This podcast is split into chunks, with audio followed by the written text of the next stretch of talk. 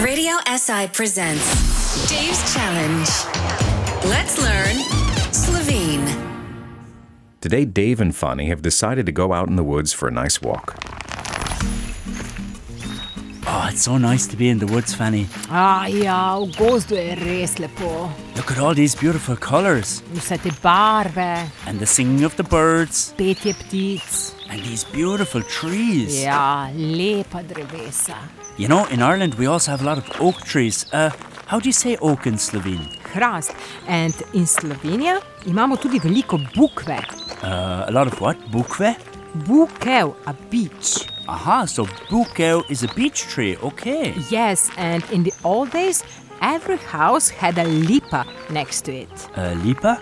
Yes, lipa, uh, the tree we pick tea from. Ah, you mean the linden tree. And uh, how do you call a birch tree? A birch is breza, betula pendula in Latin. Pepela bebela. Wow, I like breza. They have a nice white bark.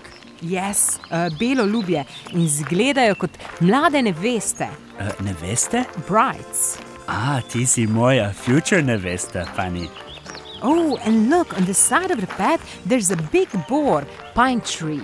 And remember, a spruce tree is smreka. There are a lot of trees that have Esa in Slovenia. In fact, 64% of Slovenia is covered by forests.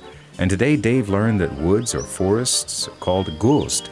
Also, hrast is oak, bukev is beech, lipa is linden, breza is birch, bor is pine, smreka is spruce, lubia is bark, and a nevesta is a bride. Ever wanted to learn Slovene? Why not try it with Dave, Fanny, and Radio SI? Dave's Challenge. Missed an episode? Find them all on our podcast.